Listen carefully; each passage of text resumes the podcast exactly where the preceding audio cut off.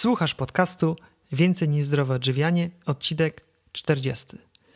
To nagranie będzie o minimalizmie.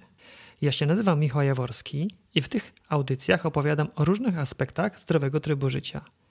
Jeżeli naprawdę zależy Ci na tym, czym karmisz swoje ciało i umysł, to te podcasty są właśnie dla Ciebie.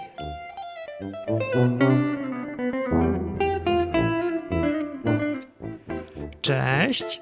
Przed nami 40 odcinek podcastu na blogu Więcej niż zdrowe odżywianie. Jeżeli w tym momencie akurat robisz porządki, to idealnie się składa, bo dzisiaj będziemy rozmawiać o porządkowaniu. Porządkowaniu naszego życia. Życie niektórych osób można porównać do szafy, do której systematycznie dokładamy nowe ubrania, zapominając o równoczesnym wyrzucaniu tego, co już nie jest nam potrzebne – pozbywaniu się rzeczy, które tylko niepotrzebnie zajmują przestrzeń, nie wnosząc nic pożytecznego do naszego życia. To może dotyczyć kwestii materialnych, np. ilość przechowywanych rzeczy, ale również innych sfer naszego życia, np. obowiązki, które na siebie bierzemy, albo znajomości, które utrzymujemy.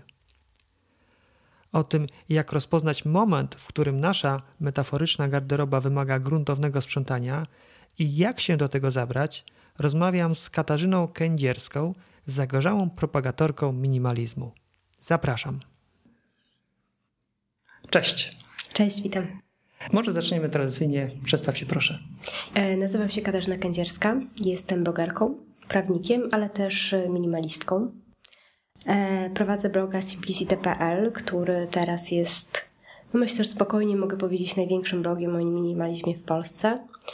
Jestem też prawnikiem, prowadzę własną kancelarię butikową e, w Warszawie, specjalizuję się w ochronie własności intelektualnej.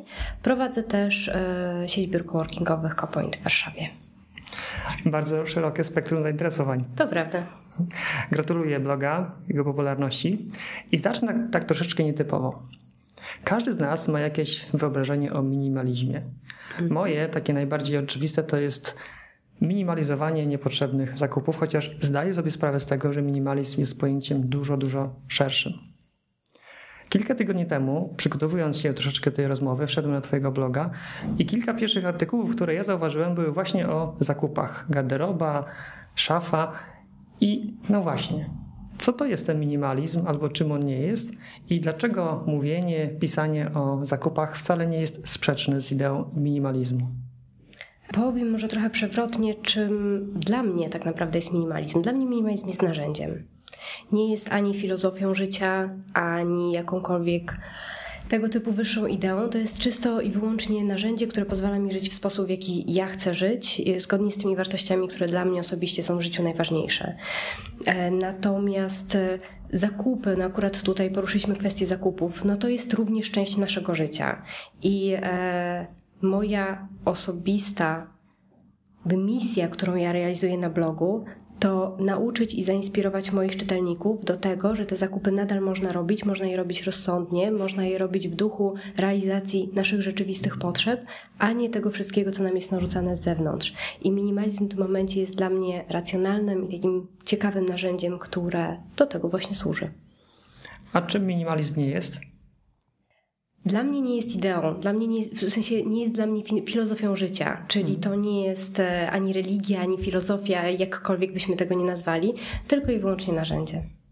Też myślę, że e, ważne jest dla mnie i tego też uczę czytelników, żeby rozróżniać ten minimalizm w tym kontekście pewnej koncepcji, a odróżniać minimalizm w sensie estetycznym, bo to też również są dwie różne, e, różne idee. Można lubić bądź nie lubić minimalizmu w kontekście estetycznym, czyli prostych wnętrz, prostych przedmiotów, prostego wzornictwa, e, a, a kochać minimalizm i wdrażać go w życie jako narzędzie. Rozumiem. Jest to narzędzie, które pozwala ci żyć zgodnie z Twoimi wartościami. Dotknęliśmy jednego obszaru, obszaru zakupów. Ale na co jeszcze minimalizm ma wpływ? Na pewno nie tylko na zakupy. Jakie inne Ja obszary? myślę, że generalnie ma wpływ na e, dwojakiego rodzaju kwestie, czyli te kwestie materialne, niezależnie od tego, czy one się wiążą z nabywaniem przedmiotów, czy z pozbywaniem tych przedmiotów, które już nagromadziliśmy, i na te kwestie niematerialne, czyli e, stosunek do życia, e, zagospodarowanie chociażby czasu w naszym życiu, e, liczba zajęć, które na siebie bierzemy, jakby te wszystkie kwestie e, niematerialne, liczba relacji, w które wchodzimy w życiu, to jest jakby ta druga sfera, w której minimalizm z pewnością ma przynajmniej w moim życiu zastosowanie. Czy pamiętasz, co się takiego wydarzyło, albo co sprawiło, że stwierdziłaś, że chcesz być minimalistką? No pewnie, że pamiętam. Zresztą powtarzam tą historię nie, nie po raz pierwszy. U mnie osobiście zaczęło się od książek. To było wiele lat temu i to było przy jednej z przeprowadzek, kiedy ja a przypominam, że pracuję jako prawnik, więc też w związku z nauką i ze swoimi studiami tych książek i materiałów zebrałam w swoim życiu bardzo dużo. Kiedy spakowałam te wszystkie książki, materiały do pudeł i tych pudeł było kilkanaście i nagle ja, że miałam taki przebłysk świadomości, że, że te pudła muszę spakować, przenieść, do samochodu, z samochodu nowego miejsca, wypakować z powrotem na regały. I, e, I poczułam ciężar tych książek i to nie był taki metaforyczny ciężar, tylko absolutnie fizyczny ciężar tych mhm. rzeczy, które muszę przenieść. I wtedy sobie pomyślałam, że, że to nie jest potrzebne, a ja tak nie chcę żyć. I to był dla mnie ten pierwszy impuls e, do ograniczenia na początku tej sfery materialnej w moim życiu, a później przełożyło się to na kwestie niematerialne również. A czy już wtedy pojęcie minimalizmu było na tyle znane, że od razu wiedziałaś, że to jest ten kierunek, czy dopiero w trakcie jakoś tak to ewoluowało? Wiesz co, bardzo ciężko mi to stwierdzić. Na pewno nie było tak, że najpierw, e, że, że pomyślałam sobie w głowie, teraz będę minimalistką i teraz pozbędę się 70% Twoich rzeczy i od jutra będę mieszkać z jedną łyżką i z jedną e, filiżanką, bo, bo, tak, bo tak sobie wymyśliłam. To był bardzo długi proces. I to, że ja w pewnym momencie zaczęłam siebie nazywać minimalistką, to również był proces. To nie było tak, że ja z dnia na dzień sobie postanowiłam coś i to się zadziało, tylko no, pewne rzeczy się zmieniały w procesie w moim życiu. Więc e, w pewnym momencie uświadomiłam się, że faktycznie, że to, co ja robię, to właśnie gdzieś tam zostało nazwane minimalizmem. Powiedziałaś swoją historię. Jak musiałaś te książki przenieść, to poczułaś fizycznie ciężar. A jak jest w przypadku innych ludzi? Bo na pewno masz jakieś informacje od Twoich czytelników, co w ich przypadku może być było takim impulsem? Bardzo różnie. Naprawdę tego nie jestem w stanie uogólnić w żaden sposób, bo każda z tych historii, które gdzieś tam poznałam w trakcie prowadzenia bloga, bloga jest bardzo, bardzo ważna, bardzo indywidualna i bardzo specyficzna i wyjątkowa. Często zdarza się tak, że albo pozytywne doświadczenia w naszym życiu, albo negatywne wywołują tą refleksję, czyli albo e, wyjście za mąż, urodzenie dziecka, czyli te takie duże, e, radosne momenty w życiu e, powodują zmiany, albo też te negatywne niestety. Utkwiła mi w głowie historia jednej z moich czytelniczek, która opowiadała, że zmarła jej mama. I po śmierci mamy ona musiała się uporać z wszystkimi tymi materialnymi rzeczami, które po mamie zostały. I, I nagle wtedy sobie uświadomiła wagę tych rzeczy, ale też ciężar tych rzeczy. Dokładnie. I, I pomyślała, że ona sama nie chciałaby swoim dzieciom takiego balastu i takiego ciężaru zostawiać. No to jest oczywiście historia jedna z wielu, natomiast no, w takich momentach też często ta świadomość e, posiadania w nas się budzi. Powiedziałaś, że minimalizm jest dla ciebie narzędziem, które umożliwia ci żyć zgodnie z twoimi wartościami. A jakie to są wartości? Na pewno jakość jest dla mnie bardzo ważna i to w każdym aspekcie mojego życia. Wolność. E, już dawno sobie postanowiłam, że, że chcę, chcę i będę robić rzeczy, które są prawdziwe, które są w zgodzie ze mną. Świadomość, którą pewnie ciężko postrzegać przez pryzmat wartości, no ale to też jest pewnego rodzaju świadomość. Żeby wiedzieć, co chce się robić, to najpierw trzeba się tego dowiedzieć, prawda? Tak. I osoby mi najbliższe. To jest również jedna z moich wartości. Czy jednym z zagadnień, poprzez które można postrzegać minimalizm, jest to, w jaki sposób ludzie się odżywiają? Z pewnością. Ja myślę, że jakby to, e, to się przejawia w każdej dziedzinie naszego życia. No, odżywiamy się w konkretny sposób i też kupujemy sobie, prawda, tą żywność, więc e, jest to taka sama materialna rzecz, którą nabywamy, jak każda inna. I, i w momencie, kiedy ja mówię o jakości w życiu, no to siłą rzeczy prze, przekłada się to na wszystkie e, sfery mojego życia, również na żywienie. Wiadomo, że nie jestem idealna, nikt nie jest idealny i czasami mamy ochotę na różne rzeczy, które być może nam nie służą, również w kontekście żywienia. Natomiast no, to jest jedna sfera, która również jest dla mnie ważna. W jaki sposób minimalizm ułatwia Ci życie? W każde tak naprawdę to się przejawia w każdej sferze mojego życia, e, począwszy od życia zawodowego, gdzie bardzo świadomie decyduję, mm, jakie projekty chcę realizować i w jakie obowiązki, jakie obowiązki na siebie biorę i jakiego rodzaju działania na co dzień e, podejmuję.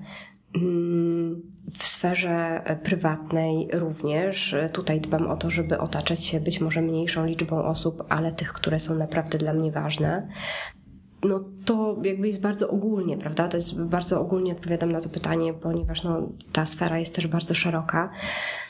No myślę, że to są takie dwie naj, najważniejsze sfery, gdzie ten minimalizm dla mnie mocno wpływa. Wspomniałaś mi, ale lepiej. To również dotyczy sfery prywatnej, czyli osób, którymi się otaczasz. Czy to oznacza, że musiałaś z jakichś znajomości zrezygnować? Tak.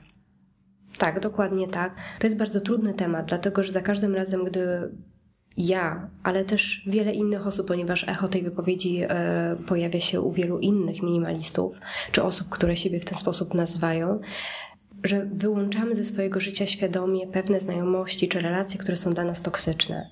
I e, to e, bywa odbierane zarówno pozytywnie, jak i negatywnie. To brzmi bardzo radykalnie, natomiast ja myślę, że to jest jedyny i, i, bardzo ważny warunek naszego zdrowia też psychicznego, prawda, i komfortu psychicznego. Jeżeli jest w moim otoczeniu ktoś, kto na mnie źle działa, kto jest wobec mnie nieuczciwy, e, kto robi mi krzywdę, niezależnie od tego, jakby ona miała wyglądać, to nie widzę powodu, dla którego ja miałabym taką osobę w tym swoim życiu trzymać i tą relację podtrzymywać. Wiadomo, że to nie jest tak, że z dnia na dzień ja przychodzę i mówię, ciebie już nie lubię i ciebie odsuwam, nie dzwoń do mnie, e, bo mam wrażenie, że taki, takie wyobrażenie czasami funkcjonuje.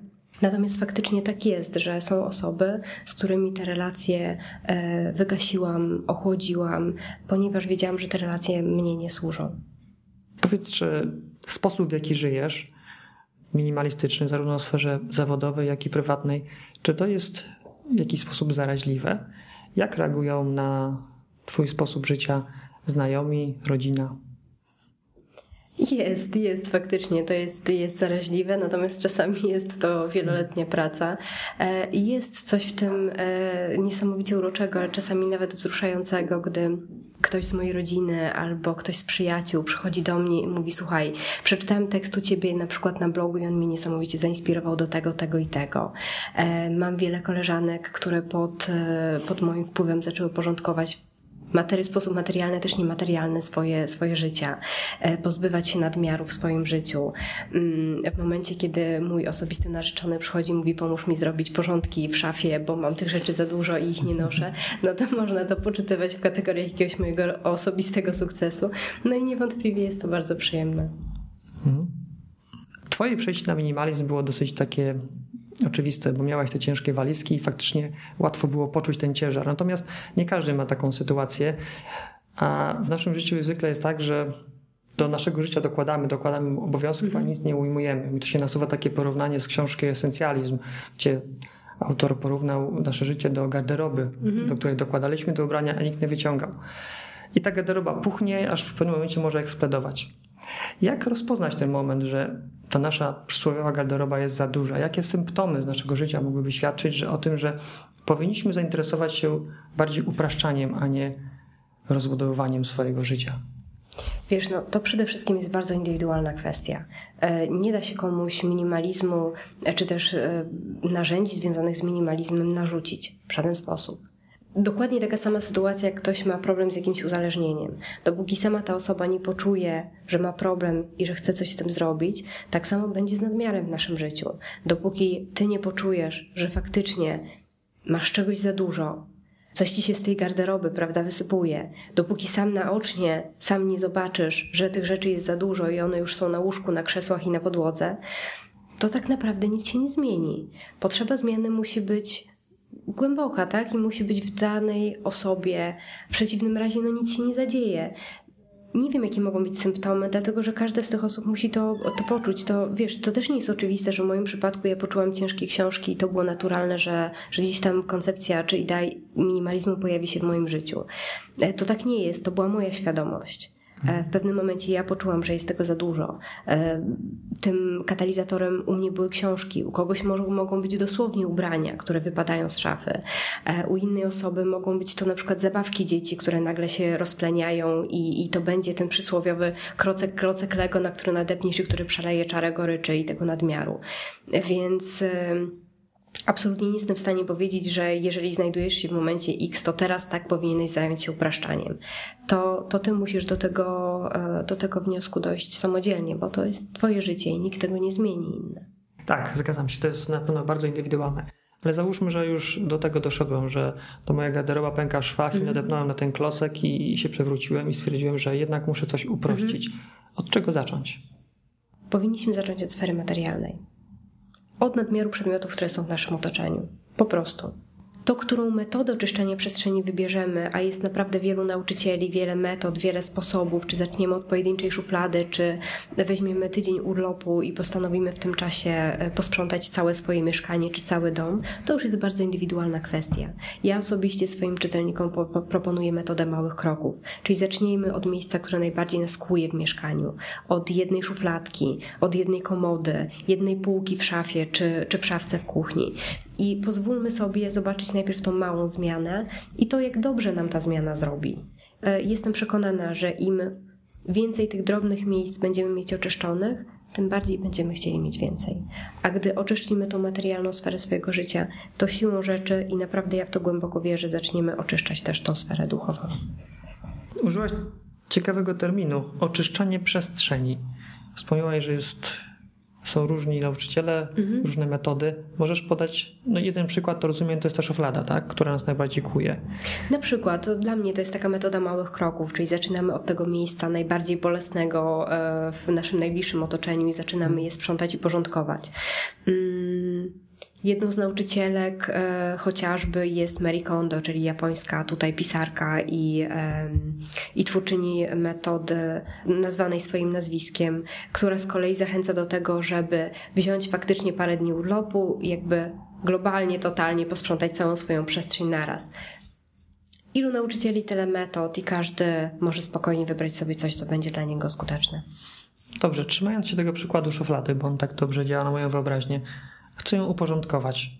No ale to co, mam wyrzucić połowę, jedną czwartą? Jak się tego zabrać? W tym pierwszym kroku na pewno ważne jest to, żeby wyeliminować te rzeczy, które, nam, które tobie nie służą po prostu, których nie używasz. Tutaj, e, tutaj również jest wiele metod, ponieważ to wbrew pozorom jest kwestia, kwestia pozbywania się rzeczy jest kwestią bardzo szeroką, bardzo pojemną, bo tu możemy się zderzyć e, z wieloma naszymi przekonaniami, czy, czy też, które nosimy wewnątrz. To mogą być rzeczy sentymentalne, z którymi będziemy mieć do czynienia, rzeczy pamiątkowe, możemy mieć opór przed pozbywaniem się, opór przed e, oddawaniem rzeczy, czy też sprzedawaniem. Jakby tutaj kwestii może się pojawić bardzo dużo ja nie jestem w stanie tego tematu wyczerpać, też o tym piszę od wielu lat. E, natomiast najważniejsze, żeby być szczerym z samym sobą. Szczerym w takiej najprostszej kwestii tego, czy danej rzeczy używam, czy nie. Czy ona mi jeszcze służy, czy nie. Jeśli nie, pozbywam się jej. Oczywiście mm, poprzez słowo pozbywam nie mam na myśli tylko i wyłącznie e, wyrzucania. Ja osobiście uważam, że e, powinniśmy e, być odpowiedzialni również za przedmioty, które nabywamy i, i wyrzucenie ich na śmietnik to to jest najprostszy sposób i nie zawsze, mm, nie zawsze jako pierwszy powinien być stosowany. Możemy te przedmioty spróbować oddać, spróbować sprzedać, spróbować się no, ewentualnie wymienić, a dopiero w ostateczności, jeśli ta rzecz faktycznie no, nie znajduje swojego nabywcy pomimo naszych starań, wyrzucić ją również zwracając uwagę na kwestie chociażby dotyczące recyklingu. E, natomiast e, no, ta szczerość wobec samego siebie jest tutaj absolutnie kluczowa i najważniejsza. Wydaje mi się, że takim największym blokerem przed wyrzuceniem to są te kwestie sentymentalne. Tak przynajmniej z mojego doświadczenia wynika. Wiele rzeczy w domu nie używam, ale z jakiegoś powodu je trzymam. I za każdym razem, gdy podchodzę, żeby je wyrzucić, no to przypomina mi się jakaś historia związana z tym przedmiotem, który efekt jest taki, że ten przedmiot zostaje na swoim miejscu. Jak sobie radzić z takimi blokerami typu sentyment? E, wiesz, metod jest tak naprawdę wiele. Jedną z metod jest na przykład stworzenie pudełka sentymentalnego. Powiedzmy, że masz jeans z podstawówki czy z liceum, które przypominają ci o wyjazdach na obozy, naprawdę fajnych czasach. Pamiętaj, że nie musisz trzymać całych tych jeansów. Możesz odciąć od nich guzik. I wrzucić go do pudełka i w tym momencie skala się zmniejszy, bo najczęściej to jest kwestia skali. Czyli na przykład masz fotel, którego nie używasz, który jest brzydki, stary, obskurny, nie da się go w żaden sposób odnowić i naprawdę jego miejsce jest na śmietniku. Natomiast ten fotel jest e, z twojego pierwszego mieszkania i na przykład przypomina ci o, o tych fajnych chwilach z czasów młodości. Możesz wyciąć kawałek e, obicia tego fotela i zachować w takim sentymentalnym pudełku. To pudełko może mieć e, wiesz, wielkość pudełka na buty na przykład i w tym momencie w dużej mierze zmieni nam się skala. Nie ma nic złego w trzymaniu sentymentalnych rzeczy, tylko zwracajmy uwagę na skalę. E, sentymentalne pudełko, okej. Okay. Sentymentalna szuflada, w porządku. Gorzej jak zaczyna się z tej sentymentalnej szuflady robi sentymentalna szafa, sentymentalny pokój albo sentymentalna piwnica e, w domu rodziców. Tak. E, moim zdaniem największym problemem nie jest fakt posiadania tych rzeczy sentymentalnych, tylko skala tego posiadania. Też też zwróć uwagę na to, że e, jeśli tych sentymentalnych rzeczy masz względnie niewiele, to jesteś w stanie faktycznie wiesz, zadumać się nad każdą tą rzeczą i przypomnieć sobie fajne rzeczy, które się z nią wiążą. Natomiast jeśli ty masz całą piwnicę e, sentymentalnych rzeczy, to nie wierzę, że będziesz miał ani czas, ani ochotę, żeby faktycznie każdej z tych rzeczy się przyglądać i wywoływać te wspomnienia, prawda, z nią związane. Skala jest e, najważniejsza zwrócenie tak. uwagi na skalę. Masz takie sentymentalne pudełko? Nie. Nie, nie mam sentymentalnego pudełka. Ja akurat należę do tych osób, które z sentymentem relatywnie e, dość dobrze sobie radzą. I raczej staram się kolekcjonować wspomnienia niż, niż rzeczy. Natomiast zdaję sobie sprawę i wierzę, że, że sentyment może być problemem, dlatego że też dużo piszę, też zbieram doświadczenia swoich przyjaciół, znajomych, czy też moich czytelników, żeby jak najlepiej pomagać w tych kwestiach. Co jeszcze oprócz sentymentu może być takim czynnikiem blokującym przed pozbywaniem się rzeczy, których od wielu lat już nie używamy? Na przykład w moim przypadku kłopot jest, kłopotem jest konsekwencja. O ile nie mam problemu z konsekwencją przy nienabywaniu zbędnych przedmiotów, e, tak pozbywanie się tych e, niepotrzebnych było dla mnie o tyle kłopotem, że ja e, nie mam problemu z decyzją, czy dana rzecz powinna opuścić mnie, czy dalej zostać, ale później konsekwentnie należy się jej pozbyć, a to nie jest wbrew pozorom łatwe, czyli ją wystawić na sprzedaż, próbować oddać w ostateczności odrzuci, wyrzucić. Tak jak mówię, ja czuję dużą odpowiedzialność dla rzeczy, dlatego dla mnie problemem było finalnie pozbycie się tej rzeczy. To też e, pamiętajmy, że pozbywanie się rzeczy naprawdę konsumuje dużo naszej energii wbrew pozorom. E, nawet wystawienie e, książek na Allegro chociażby, żeby je sprzedać, wymaga sfotografowania tych książek, skatalogowania ich, opisania każdej, wrzucenia każdej aukcji, monitorowania aukcji i wysłania tych książek. Tak. Więc ja sobie absolutnie zdaję sprawę, że to nie jest proste, dlatego z reguły jest to proces, który jest rozłożony w czasie. Czyli w Twoim przypadku nie było problemem zadecydować, że już tego nie potrzebujesz, tylko. Tylko fizycznie się tych rzeczy pozbyć, więc ja na przykład te rzeczy wystawiam u siebie w przedpokoju i widzę je ciągle, e, denerwują mnie swoją obecnością, potykam się o nie i to jest dla mnie na przykład osobiście jedyny impuls, żeby się ich faktycznie pozbyć. I tak mi się wydaje, że, że, że ludzie e, dzielą się właśnie na tych, którzy mają problem z decyzją, ale później łatwo im przychodzi pozbywanie się tych rzeczy fizycznie z otoczenia, albo na osoby, które tak jak ja nie mają problemu z decydowaniem i też z sentymentem, natomiast później mają kłopot już w fizycznym pozbyciu się rzeczy. Czego było najtrudniej ci się pozbyć? Hmm, to trudne pytanie. Nie pamiętam, przyznam ci szczerze, że nie pamiętam e, żadnej rzeczy, która by była dla mnie tak szczególnie trudna. W kontekście decyzji, oczywiście, do, do pozbycia się. Pamiętam e, torebkę. To była pierwsza markowa torba, którą kupiłam za pierwsze e, przez siebie zarobione pieniądze i faktycznie było mi się ciężko jej pozbyć, chociaż już z niej nie korzystałam. I tutaj ten proces myślowy był trudny dla mnie, ale finalnie doszłam do wniosku, że. Mm, ponieważ ta torba stała się dla mnie substytutem e, pewnego rodzaju doświadczenia, czyli na przykład siły sprawczości, tego, że ja jestem w stanie zarobić te pieniądze dla siebie, prawda? I kupić sobie piękny, być może nawet zbytkowny nieco przedmiot. Mm, I uświadomiłam sobie po czasie, że, że ta siła nadal jest we mnie. Ja nie potrzebuję przedmiotu, żeby mi o tym przypominał, pokazywał. E, I, i w tym momencie puszczenie tej torby było bardzo proste. Rozumiem. Czy jest jakiś przedmiot teraz w Twoim życiu, którego nigdy nie będziesz chciała się pozbyć? Materialny przedmiot? Tak. Nie nie jestem w stanie wskazać ci takiej konkretnej rzeczy, e, której nie będę się chciała pozbyć. Wiesz, są takie przedmioty, które służą mi do codziennej pracy, jak na przykład telefon czy komputer, i one są z tego względu dla mnie ważne. Natomiast e, są ważne z uwagi na swoją użyteczność, jeżeli przestaną spełniać swoją rolę, czyli na przykład się zepsują, no to absolutnie wymienię je na, na, na inne, prawda? Więc nie wydaje mi się, żeby był taki przedmiot, który jest dla mnie aż tak ważny, mm, żebym nie mogła się go nigdy pozbyć. E, zwłaszcza, że moim zdaniem minimalizm nas uczy właśnie tego dystansu do przedmiotów. Nie tylko do ich pozbywania się, ale też do posiadania. E, taka jest rola przedmiotów, że one nam służą na pewnym etapie życia. One przychodzą i one odchodzą. I trzymanie e, się kurczowo tych właśnie rzeczy mm, jest nam potrzebne, tak mi się, mnie się osobiście wydaje, mm, ponieważ daje nam poczucie kontroli w życiu. Natomiast ja już mam to poczucie, że, że do tego przedmioty nie są mi potrzebne. Ja sobie poradzę tak czy owak, one mają mi służyć na pewnym etapie życia, a jeśli ten etap minie, albo te przedmioty no nie będą już mi potrzebne, nie będą mi służyć w taki sposób, jaki, e, jaki chcę i do czego były e, predysponowane, no to po prostu się ich pozbędę. Jak mówiłaś o tym poczuciu kontroli, to mi się skojarzyło z jakimś talizmanem. To czasem ludzie mają takie przedmioty i, i wydaje im się, że bez tych przedmiotów coś im się nie uda. A rzeczywiście to poczucie kontroli jest w nas, a nie w tych przedmiotach. Dobrze, mówiliśmy o tym, jak się pozbywać rzeczy, których nie używamy. A teraz powiedz, jak mądrze kupować nowe rzeczy, żeby nie wpaść w pułapkę konsumpcjonizmu i nie zagracić się, tak mówiąc już kolokwialnie. No pierwsza podstawowa kwestia i najtrudniejsza tak naprawdę to świadomość własnych potrzeb i e, świadomość tego, które rzeczy, które przedmioty, które chcemy nabyć, jakie faktycznie potrzeby e, zaspokajają. Dlatego, że e, ja uważam, że we współczesnych czasach mm, nie mamy problemu, nie ma problemu z multiplikowaniem potrzeb, tylko my te potrzeby zaspokajamy w niewłaściwy sposób.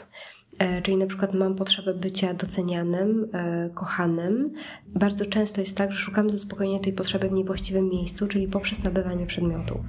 Bo jak jeśli ja na przykład kupię sobie drogą sukienkę i, i koleżanka będzie mi jej zazdrościć, no to faktycznie spełnię potrzebę e, bycia docenioną, natomiast czy to faktycznie posłuży mi na dłużej? No raczej nie, prawda?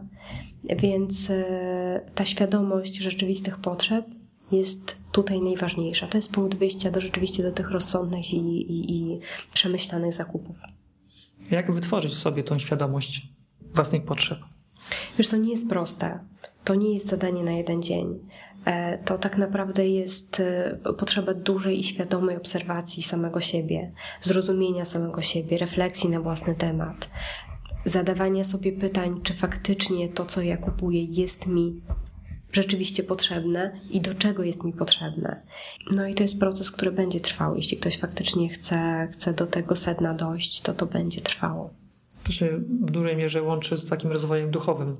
Tak, z rozwojem duchowym, z rozwojem osobistym, jakkolwiek byśmy tego nie nazwali, ze świadomością siebie. E, w momencie, kiedy mamy świadomość tego, kim jesteśmy, co chcemy, co jest dla nas ważne, no to będziemy mieć też świadomość własnych potrzeb, prawda? Ta świadomość potrzeb przełoży się na zakupy, które będą im odpowiadać, a nie będą tylko realizacją jakiegoś scenariusza, który płynie z zewnątrz. Niezależnie od tego, czy on miałby płynąć e, z telewizji, z mediów, e, od znajomych, od sąsiadów, czy, czy od partnera i mamy no tego etapu nie da się przeskoczyć. I też nie da się go przejść w ciągu jednego dnia na pewno. Dokładnie. Jest to proces. No ale Jakbyś dała moim słuchaczom jakąś wskazówkę na ten proces, który będzie trwał, jak podejść do tych zakupów? Może są jakieś sposoby, żeby unikać rzeczy zbędnych? Znaczy, oczywiście, że tak. No, jakby Płycając to nieco i sprowadzając do takich technicznych narzędzi, obserwujmy przede wszystkim, co kupujemy, w jakich okolicznościach to kupujemy. E, największym problemem, i to pokazują badania, e, nie są duże zakupy, ale są małe zakupy, które są kompulsywne. E, I tu niestety przodują kobiety, ale panowie już też zaczynają nadganiać. E, to są rzeczy, które kupujemy, które są relatywnie tanie, ale kupujemy je często. Czyli na przykład e, wracam z pracy, miałam gorszy dzień, kupię sobie koszulkę, bo on by była tania, kupię kredkę do oczu, kupię świeczkę do domu. To są takie drobne rzeczy, które e, w, w perspektywie miesiąca kilku miesięcy, roku składają się naprawdę na znaczne sumy. I tutaj obserwowanie własnych mechanizmów jest najważniejsze. Możemy to połączyć z prowadzeniem domowego budżetu, faktycznie ze spisywaniem wydatków, ale też spróbujmy sobie odpowiedzieć na pytanie, w jakich okolicznościach kupowaliśmy dane rzeczy i jakie uczucia temu towarzyszyły. Może się na przykład nagle okazać, że, że kupujemy kompensacyjnie bardzo często, czyli kompensujemy sobie pewne braki w życiu zakupami, e, bądź kupujemy kompulsywnie przy okazji, czyli przy okazji zakupów jedzeniowych kupimy kosmetyki, ubrania, e, albo przy okazji kupowania kurtki dla dziecka e, kupimy sobie bieliznę. Na takie okoliczności zakupów należy zwracać uwagę. Mm, przy czym najczęściej to się będzie pojawiało właśnie przy przedmiotach relatywnie niskiej wartości. Czyli obserwujemy siebie, wtedy gdy kupujemy rzeczy o niskiej wartości, kupujemy często i obserwujemy sytuacje, w jakiej jesteśmy. Dokładnie, okoliczności, jakie, jakie towarzyszą zakupom. No i tutaj po raz kolejny ważna jest szczerość z samym sobą, bo jeżeli będziemy y, zafałszowywać i, i, i jakby szukać wymówek tutaj dla tych zakupów, to nie doprowadzi to do żadnej zmiany. Tylko i wyłącznie w momencie, kiedy będziemy wobec siebie zupełnie szczerzy, mm, to sprawi, że znajdziemy tą przyczynę tych y, no, zbędnych w istocie zakupów. Byli szczerzy, czyli na przykład kupiłem tą świeczkę, bo ktoś mi coś przykrego w pracy powiedział. Na przykład było mi smutno danego dnia, bo szef na mnie nakrzyczał i postanowiłam sobie poprawić humor kupując e, świeczkę albo nową szminkę, prawda? E, u mężczyzn wbrew pozorom wygląda to e, bardzo podobnie. No ja używam kobiecych przykładów, bo jestem kobietą i tak jest mi mhm. wygodniej. Natomiast panowie mają bardzo podobnie. No dobrze, a gdy już jesteśmy tacy szczerzy wobec siebie i dochodzimy do wniosku, że kupiliśmy to nie dlatego, że jest nam potrzebne, tylko faktycznie, żeby poprawić sobie nastrój, to co no to wtedy? wyciągamy wnioski i nie popełniamy tych samych błędów. No to jest jedyna droga, prawda? Mhm. Czyli następnym razem, jak na mnie nakrzyczy szef, wracam z pracy, to może świadomie nie idę do centrum handlowego. Na przykład, jakby zmiana nie samego nawyku kupowania, ale zmiana okoliczności, to też często bardzo pomaga. Mm, no, muszę mieć okazję do zakupów, żeby te zakupy zrobić, prawda? Czyli jeżeli wracając do domu wybiorę drogę, która nie wiedzie przez alejkę ze sklepami albo nie wiedzie przez centrum handlowe, no to prawdopodobieństwo, że tych zakupów nie zrobię jest dużo wyższe. Pomagam sobie w ten sposób. Tak też można, to też również jedna z dróg, jedno z narzędzi. Mhm. Dobrze, mówiliśmy o pozbywaniu się rzeczy, mówiliśmy o kupowaniu nowych rzeczy. Na jakie jeszcze obszary z życia człowieka można spojrzeć przez pryzmat minimalizmu? No myślę, że tym najważniejszym obszarem, o nie o którym nie mówiliśmy, jest gospodarowanie własnym czasem. Mhm. Siłą rzeczy każdy z nas ma do dyspozycji dokładnie taki sam czas, e, ma dokładnie tyle samo godzin i minut i e, to była dla mnie na przykład bardzo ważne odkrycie, to, że ja w sposób świadomy chcę tym czasem gospodarować. To po, no po czasie przełożyło się przynajmniej w moim przypadku na dość poważne decyzje również zawodowe, ponieważ zrezygnowałam z stałego etatu, prowadzę tylko i wyłącznie swoją działalność w różnych sferach i ja tutaj bardzo zwracam uwagę na to, gdzie angażuję swoją energię i, i swoje siły, e, siły przerobowe, że tak powiem. No i myślę, że to jest ta sfera, gdzie też minimalizm się pojawia. Siłą rzeczy. Jakie masz sposoby na efektywne zarządzanie swoim czasem? Delegowanie. Wbrew pozorom, o ile ma się co i komu delegować, ale ja akurat tutaj uważam, że, e, że to jest ważne, żeby otaczać się ludźmi, e, którzy nam będą w tej ścieżce, no jak mówię, czysto zawodowo, prawda, e, pomagać i warto poświęcić czas, żeby nauczyć e, bądź zaangażować właściwe osoby w nasze projekty. Mm, ale też e, ta druga sfera to skupienie w trakcie pracy, czyli efektywność, poprawa efektywności ale też co dla mnie jest najważniejsze i o czym już wspominałam wielokrotnie, to świadome decydowanie, w jaki projekt chcę angażować swoje siły. To wbrew pozorom wcale nie jest takie proste, bo bardzo często mamy wiele okazji, możliwości, e, pojawiają się szanse i wydaje nam się, że trzeba wszystko złapać, z wszystkiego korzystać, bo być może przeminie. Ja mam do tego troszeczkę inne podejście, też e, okiełznałam swoje ambicje w tym względzie. Wiem, co jest dla mnie ważne i temu poświęcam czas. Po prostu. Właśnie, to jest bardzo ważny temat, o którym powiedziałaś. Wybieranie z tych okazji lub możliwości, które się nam życie przed nami stawia, tych dla nas najważniejszych, no bo wszystkiego nie jesteśmy w stanie zrobić. Jakimi kryteriami ty się kierujesz, decydując, że tym się zajmiesz, a tym zdecydowanie nie?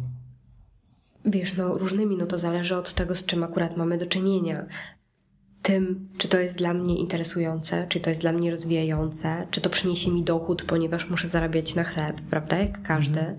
No to są pewnie podstawowe kryteria, plus u mnie osobiście dochodzi też swojego rodzaju intuicja, czyli wiem, czy też czuję, w które projekty chcę się angażować, w które nie, które być może będą dla mnie rozwojowe, a które nie. Tutaj, no to, są, to jest moja droga, tak? To są moje metody, natomiast tutaj każdy musi wypracować swoje własne. Dobrze. Dużo mówiliśmy o tej sferze materialnej, czy są takie trzy obszary. Pozbywanie się nieużywanych rzeczy, kupowanie nowych, zarządzanie czasem. Wspomniałaś na początku, że gdy uporządkujemy tą sferę materialną, to jakby w naturalny sposób porządek zaczyna się pojawiać w tej sferze niematerialnej, duchowej, osobowej. Jak to było w Twoim przypadku? Wiesz, no to akurat to zarządzanie czasem przeniosłabym absolutnie do tej sfery właśnie niematerialnej, ponieważ no to nie ma nic wspólnego z posiadaniem czy też pozbywaniem się rzeczy w tym tak. ujęciu materialnym. Więc w moim przypadku e, pozbywanie się przedmiotów materialnych sprawiło, że właśnie zaczęłam mieć dużą ochotę i chęć um, uporządkowania też tej sfery niematerialnej. Czyli na przykład w kontekście zawodowym, w moim przypadku, było to e, odejście z etatu. Mhm. Bardzo e, lukratywnego, jeśli mogę tak powiedzieć, w moim zawodzie. Mm, nie była to popularna decyzja, ale dla mnie była jedyna właściwa w tamtym czasie i nie żałuję. W kwestiach e, dziś prywatnych czy też osobistych, no to były te kwestie relacji, o których rozmawialiśmy wcześniej. No to to również jest ta ważna sfera tych, e, w tych kwestiach niematerialnych. Natomiast trzecia to na pewno będzie e, e, rozwój duchowy czy rozwój osobisty, mm, który siłą rzeczy jakby pojawi się jako pokłosie tych wszystkich innych pozostałych działań, ponieważ jeżeli dużo pracujemy ze świadomością, e, dużo pracujemy ze świadomością potrzeb, e, tego kim jesteśmy, jaka jest nasza rola, co chcemy w życiu robić, no to, no to siłą rzeczy odpowiedź na te pytania sprawia, że rozwijamy się duchowo i, i e, no i właśnie niematerialnie, prawda? Tak.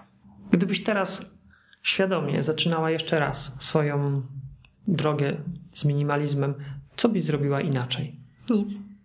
Nic. Super. Dlatego, że to, e, to była droga, która również służyła mojemu rozwojowi.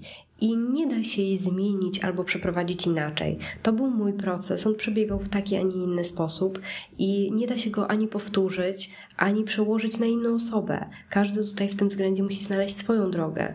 I, e, i, i absolutnie nic bym nie zmieniła. Super. Jakie plany na przyszłość masz? Zawodowe?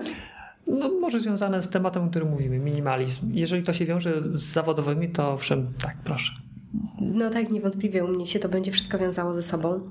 E, w chwili obecnej pracuję nad redakcją książki swojej o minimalizmie, która nakładem wydawnictwa Znak powinna się pojawić pod koniec sierpnia tego roku. Książka jest już rzeczywiście napisana i jesteśmy mhm. na, na etapie właśnie redakcji składu, wybierania okładki, czyli samych przyjemnych rzeczy. Nadal rozwijam bloga, zgodnie ze swoimi wcześniejszymi zamierzeniami, czyli tutaj wszystko idzie tak, jak chciałam, żeby szło. Mm, mam tą przyjemność, że mogę się angażować wyłącznie w te projekty, które są zgodne z moimi wartościami, między innymi z jakością w życiu.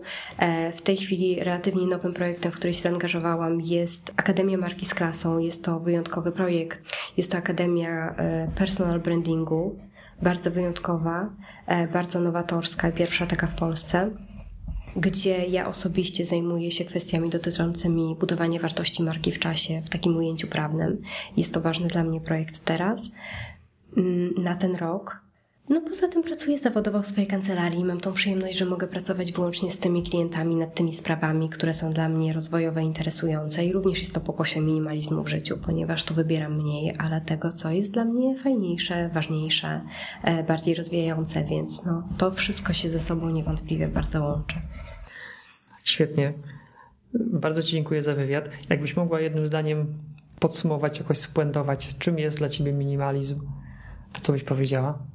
To samo co na początku, czyli że jest on dla mnie narzędzie, które pozwala mi żyć w zgodzie z moimi wartościami i myślę, że to jest najważniejsze.